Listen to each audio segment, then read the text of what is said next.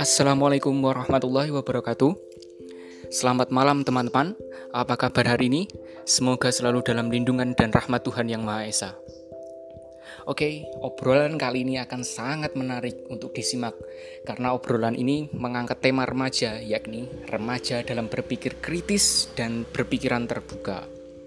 Nah, ngomong-ngomong soal remaja, banyak sekali uh, masyarakat itu menganggap remaja sebagai generasi yang kurang matang dalam berpikir dan uh, rentan akan tanda kutip itu hal-hal yang negatif. Maka untuk membuktikan itu saya membuat podcast ini untuk menjelaskan kepada masyarakat luas tentang sebenarnya remaja itu harus seperti apa. Remaja itu harus seperti mempunyai pemikiran seperti seperti apa. Uh, maka dari itu dengan podcast ini diharapkan nanti masyarakatnya bisa atau teman-teman sekalian bisa paham dengan makna yang remaja yang sesungguhnya. Nah, tanpa berlama-lama lagi, podcast ini tidak akan saya isi sendirian ya, karena sendirian itu ngobrol sendirian itu nggak enak. Saya ada gestar nih yang melalang buana tentang tentang uh, banyak sekali organisasi yang dia ikuti selama di kampus atau di masa-masa sekolah dulu. Ya, kini telah bergabung dengan saya uh, Muhammad Arif Nugraha, salah satu mahasiswa dan uh, anggota BEM dan juga anggota Ikatan Mahasiswa Banyuwangi dari Politeknik Negeri Malang. Ya, selamat malam Mas Arif. Assalamualaikum. Waalaikumsalam warahmatullahi Wah, ini, selamat malam. Ini bagaimana Mas Arif? Kabarnya ini gimana? Ini teman lama juga ini ya? Ya, alhamdulillah sehat. Alhamdulillah. Aman Rip di Banyuwangi aman Rip? Alhamdulillah aman ya sejauh ini uh, saya masih ini ya dalam anjuran pemerintah tetap oh, social distancing, tetap di rumah aja. Ya, ya, ya. Udah berapa RIP yang positif RIP? Data terbaru berapa RIP? Data terbaru dari Banyuwangi itu ada tiga yang positif. Oh gitu. Ya. Di daerahmu atau di di kecamatanmu atau di mana? Oh. Ya ya ya ya ya. Oke Rip. Uh, di podcast ini aku mau nanya-nanya nirip tentang remaja yang saat ini sedang menjadi tanda kutip sorotan ya. Tanda kutip sorotan oleh masyarakat luas oleh uh, ya oleh kalangan publik lah. Karena remaja saat ini kan identik nih dengan hal-hal yang negatif atau hal-hal yang gimana ya? Hal-hal yang kurang kurang enak lah dipandang oleh masyarakat. Oh ya ini for your information teman-teman ini uh, saya bergabung dengan Muhammad Arif Nugraha ini via telepon ya, via sambungan jarak jauh dan tidak bisa bertatap muka langsung karena ini kan masih dalam kondisi yang kurang kondusif karena kita harus selalu menanamkan uh, aturan social distancing ya Ya, gimana Rip tentang tadi Rip? Uh, pertanyaan pertanyaan simple ini Rip tentang bagaimana sih pendapat Arif tentang remaja yang notabene banyak sekali mendapat labeling mendapat labeling karena uh, pikirannya kurang matang atau karena banyak hal-hal yang negatif yang biasa dilakukan oleh remaja. Ya. Ya, oke. Okay. Ya, jadi sebenarnya kalau kita ingin melangkah lebih jauh lagi, bahwasanya sebenarnya pemuda ini memiliki potensi yang sangat luar biasa. Nah, potensi pemuda ini adalah semangat dan juga dia memiliki uh, cita-cita yang tinggi seharusnya. Wow. Nah, pemuda ini seharusnya menjadi orang yang visioner ke depan. Nah, kenapa kok masyarakat melabel pemuda ini sebagai uh, hal yang negatif? Karena mungkin kebanyakan kebanyakan lingkungan kita ya remaja ini uh, terpengaruh oleh lingkungan kita Hmm, tetapi pada dasarnya setiap individu memiliki potensi dan kelebihan sendiri-sendiri. Terus seperti itu tetapi banyak pengaruh jadi mereka ya sudah apa eh, melakukan hal-hal yang eh, begitu menyimpang seperti itu.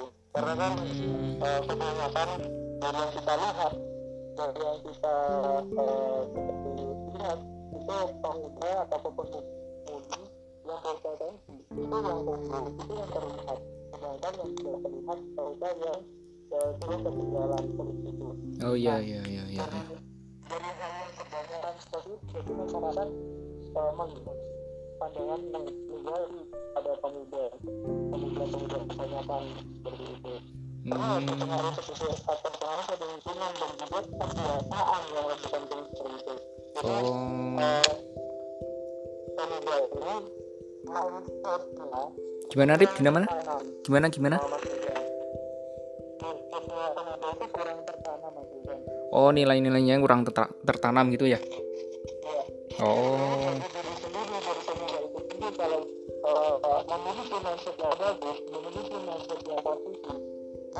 Tidak akan mempengaruhi eh, lingkungan sekitar apabila eh, dalam suatu kelompok itu dalam bidang besar. Hmm. Kalau nggak mau yang negatif dalam bidang prioritas malah akan eh, mengikuti yang mayoritas. Malah ngapa sih kok masyarakat bisa pemuda eh, Hmm. Iya. masyarakat melihat kebanyakan seperti ini Mas. Oh iya iya. Padahal pemuda itu memiliki eh, potensi yang sangat luar biasa sebenarnya. Hmm. Jadi itu tergantung eh, pola pikirnya ma- eh, pola pikirnya remaja itu sendiri ya Rip ya. Tergantung nilai-nilai moral yang tertanam di pikirannya sendiri ya berarti ya. Iya, iya, iya. Apa yang terpenting itu adalah pendidikannya. Dan jadi pendidikannya tuh seperti apa dia itu Nah, eh, remaja-remaja itu kurang edukasi atau bagaimana? hmm. Kalau menurutmu sih Rip, eh, bagaimana sih kita itu men, eh, gimana ya? Kita itu mensikapi kalau ada remaja yang tanda kutip negatif atau kita eh, tanda kutip yang kurang sesuai dengan norma-norma sosial atau kurang sesuai dengan general agreement dari masyarakat itu bagaimana sikap kita sih Rip? atau apa kita harus eh, apatis atau kita harus senantiasa membantu mengingatkan meluruskan ke jalan yang benar atau bagaimana Rip? Tergantung eh, kepada dulu nih, perantaranya dulu. Gimana Rip? Gimana? Rip? Kalau jadi jadi tergantung kepada perantaranya dulu siapa. Hmm. Kalau saya sebagai pekerja pendidikan di sekolah, maka saya akan mengingatkan eh, siswa-siswa saya Mm-mm. itu itu selalu berbuat baik itu selalu melakukan hal-hal yang positif tidak boleh begini begitu Hmm. kalau antara saya eh, menilai itu berorasi maka saya harus mengawasi langsung saya harus berpengaruh kepada eh, anak saya misal Hmm. itu dan saya akan eh, saya mendidik anak saya eh, itu baiknya agar tidak Hmm. uh, melakukan hal-hal gratis yang terpenting adalah pengawasan dan juga pendidikan seperti ini jadi nanti itu perantaranya siapa saja karena setiap perantara itu berbeda kalau saya uh, kalau saya sebagai uh, teman ya sendiri teman antar teman atau saudara maka saya Hmm. akan mengingatkan Oh iya iya iya. Hmm iya iya. saya memberikan kepada dia eh, hal yang benar itu seperti apa Hmm. jadi kalau misalnya uh, solusi baik daripada remaja itu harus eh, dibuat seperti apa maka tergantung sebagai perantara siapa dulu Hmm. Seperti iya itu iya. karena setiap perantara untuk me- memperlakukan mereka secara baik dan benar itu berbeda-beda caranya Hmm. Iya iya iya iya. Jadi harus kita pandai-pandai juga sih Oh ya. gitu. Jadi kita harus pandai-pandai berpikir ya untuk untuk bagaimana mengatur eh, remaja di sekitar kita untuk tidak terjerumus ke dalam hal-hal yang negatif seperti itu ya. Iya, yang terpenting kita mengingat, mengingatkan begitu. Hmm. Ya ya ya ya ya. Wah ini menarik sekali ini bahasannya. Semakin malam semakin menarik ini ya. Gak apa-apa Rip besok eh, besok kan libur kan Rip. Oke, Rip. Bagaimana kalau eh, pemuda-pemuda ini pas masa transisi ya, masa transisi itu masa sekolah SMA, terus dari ke SMA ke perguruan tinggi. Nah, di perguruan tinggi itu banyak sekali kan UKM UKM atau organisasi-organisasi apalah yang intinya itu membentuk s- di sisi lain membentuk kepribadian remaja itu sendiri, di sisi lain itu bisa menambah relasi dari remaja itu sendiri itu bagaimana Rip menurutmu Rip? Apakah di dia apakah remaja itu jika mengikuti organisasi itu akan membentuk pemikiran mereka yang terbuka dan lebih eh, menjauhkan mereka dari hal-hal yang mungkin dirasa kurang tepat atau negatif gitu Rip? Organisasi itu sangat penting sekali untuk setiap remaja ya atau setiap orang. Hmm. Misal seka- kalau saya sendiri ya dari pengalaman saya sendiri, saya memulai kegiatan berorganisasi itu mulai SMP. Hmm. Ya ikut dua organisasi lalu ke SMA lagi itu Oh, lebih iya. banyak organisasi lagi dan masuk kuliah ini organisasinya malah lebih luas lagi lebih Wih. besar dan juga lebih luas. Nah, Mantap nih. kenapa eh, kar- kenapa? Eh, organisasi ini sangat penting sekali karena apa yang saya rasakan eh, selama ini itu membuat saya semakin hari semakin eh, tumbuh dewasa atau bertambahnya umur itu memiliki eh, pote- eh, kemampuan yang meningkat juga se- seiring berjalannya waktu. Dan juga yang terpenting adalah mindsetnya. Mindsetnya seiring waktu akan berubah. Hmm, oh iya iya iya iya. Ya semakin berubah menjadi jauh lebih baik karena kalau biasanya sih orang kalau udah ikut organisasi sejak awal maka jiwa-jiwa aktivisnya itu akan eh, selalu muncul ketika ada pacuan-pacuan eh, mengikuti organisasi dan melihat organisasi yang lain seperti itu Mas Wildan. Oh iya iya. Sebentar Rip, aku mau aku garis bawahi Rip tentang eh, orasi-orasi tadi Rip. Apakah orasi-orasi itu artinya di dalam organisasi itu selalu mengikuti eh, orasi-orasi atau gimana ya maksudnya? Oh ikut eh, seperti turun-turun ke jalan atau seperti seperti hal-hal yang Jadi- biasanya terjadi di negara kita itu loh. Yang Iya, gelombang-gelombang protes itu seperti itu. Ya oke. Ya, jadi eh, kebanyakan yang dilakukan oleh mahasiswa ya itu ya. Hmm. Kan orasi itu dilakukan oleh mahasiswa. Nah, sebenarnya eh, mungkin teman-teman belum tahu ya sebenarnya antara demo Hmm. maupun aksi Hmm. itu berbeda. Oh itu berbeda. Bagaimana Iya, perbedaannya? Jadi sebenarnya orasi itu adalah eh, serangkaian kegiatan. Nah Hmm. kegiatannya apa? Kegiatannya itu bisa demo dan juga aksi. Jadi Hmm. teman-teman mahasiswa ataupun orang-orang yang di luar sana Hmm. melakukan orasi itu ada dua kegiatan jenis jenis dua kegiatan yakni demo sama aksi. Nah itu berbeda. Hmm. Oh gitu. Yang pertama adalah demo. Demo itu em, demo itu kegiatan secara ilegal, Mas Hmm. Wildan. Oh iya iya iya iya iya. Langsung mereka langsung turun ke jalan, membawa spanduk, mem- eh, membuat kekacauan Hmm. ataupun eh, ya orasi semena-mena sebagai Hmm. ber- eh, berbagai tempat itu ilegal. Nah, yang baik adalah kita melakukan aksi. Nah, di mana aksi tersebut itu sudah melalui proses-proses ataupun serangkaian eh, sistematik dalam sistem eh, pelegalan kegiatan demo dalam bentuk legal seperti itu. Hmm. Iya iya iya iya. iya. Berarti Nah, itu eh, dua hal yang berbeda ya artinya ya.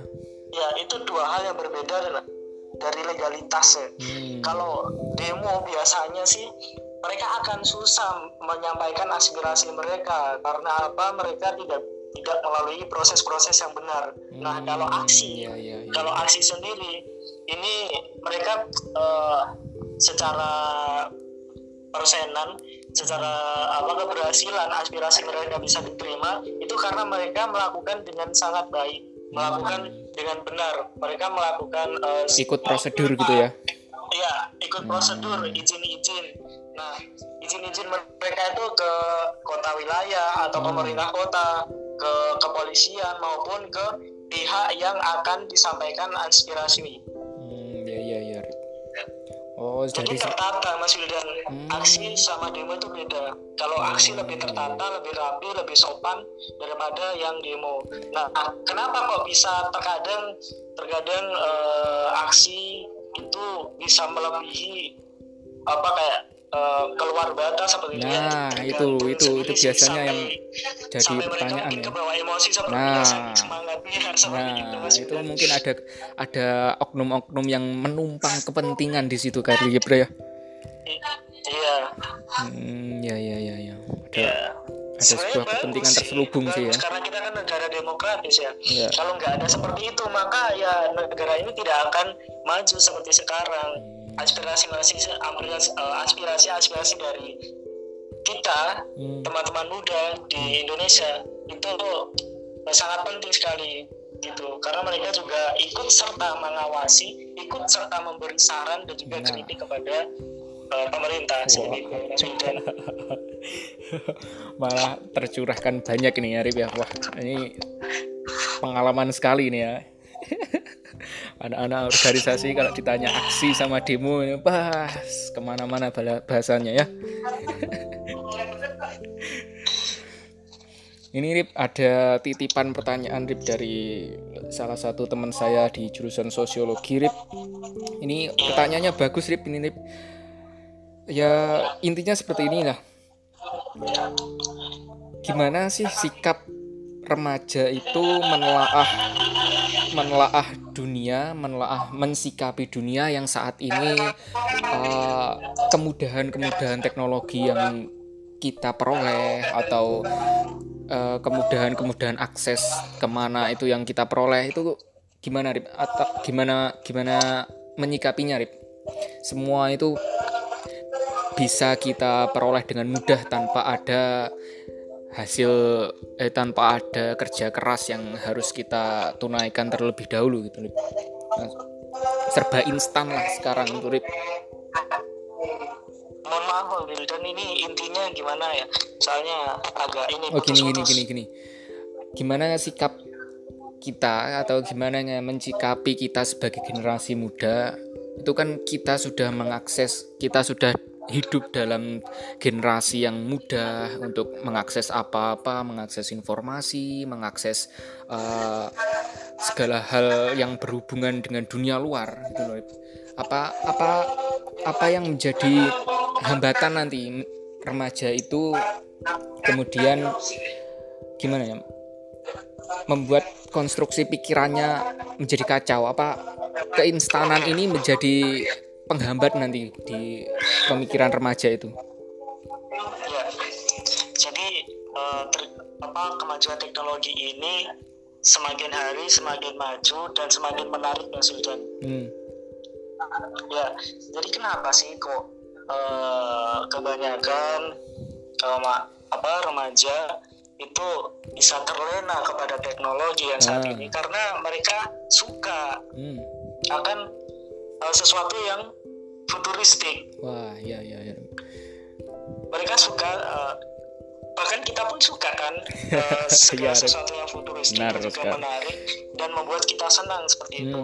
Nah, yang hal yang seperti itulah yang menjadi uh, hambatan sebenarnya kalau kalau kita sikapi uh, secara kurang benar ataupun hmm. kurang baik ataupun bisa saja disalahgunakan. Hmm, nah, iya, sebenarnya ya, itu kalau uh, remaja memiliki tujuan ataupun tujuan hidup ataupun jalan hidup atau peta hidup hmm. atau dia memiliki moto atau prinsip yang kuat maka kemajuan teknologi ini akan dimanfaatkan secara baik untuk memenuhi tujuan tersebut. Hmm, ya ya ya ya ya. Jadi nah, jadi sebenarnya ya jadi seperlunya aja kalau hmm. kalau digunakan beda lagi kalau memang ya mohon maaf kalau tidak punya prinsip ataupun cita-cita yang kurang ataupun kurang visioner seperti itu nah itu akan membuat dia terlena seperti Mas Wildan dia akan menikmati segala apa uh, keinstanan yang Nah. diperoleh dari apa uh, teknologi ini seperti itu. Seperti Hmm. halnya sosial media kan ya.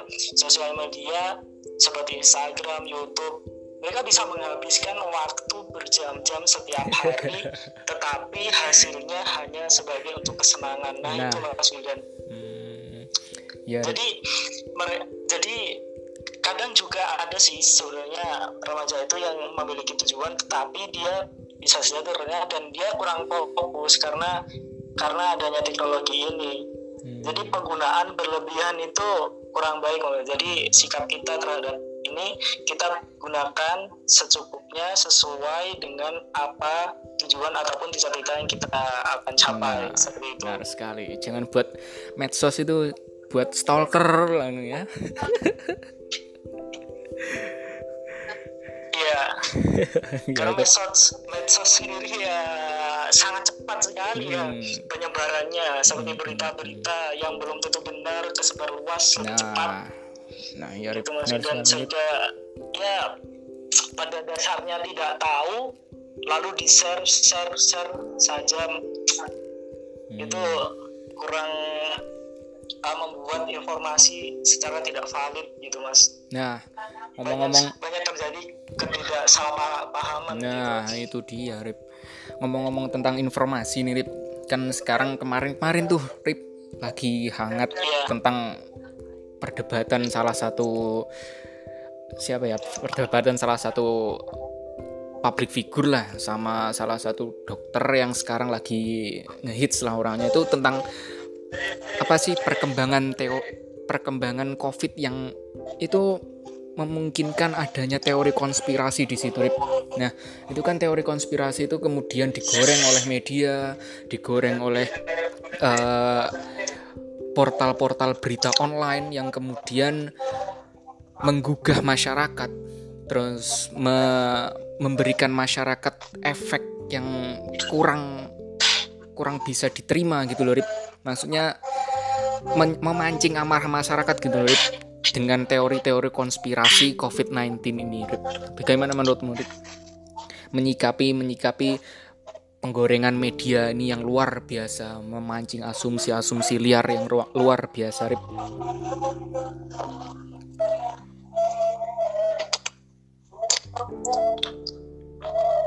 Ya.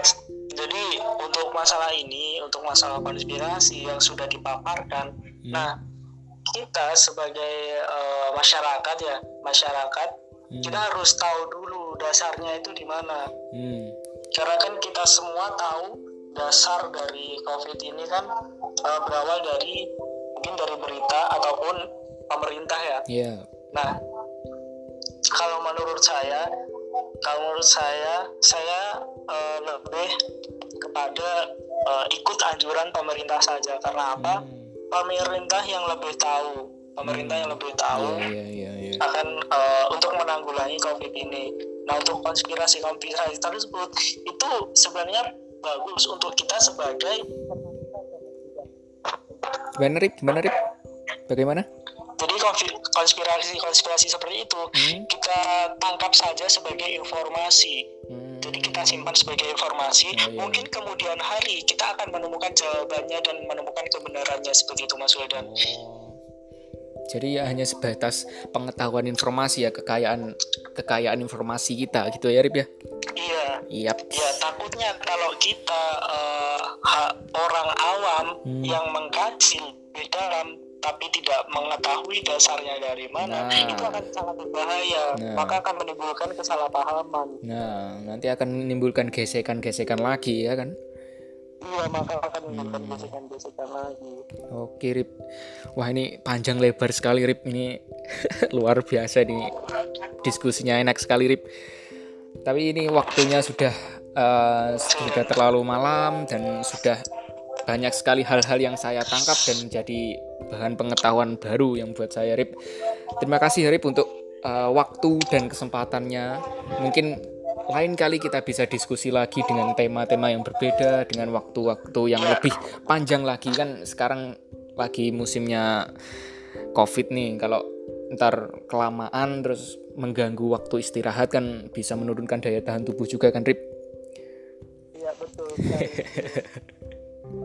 jadi terima kasih ya Rip atas partisipasi diskusinya Rip ini sangat uh, membuat pengetahuan saya lebih luas lagi Rip sama-sama Mas dan uh, sekalian menjalin silaturahmi ya. Oke, okay.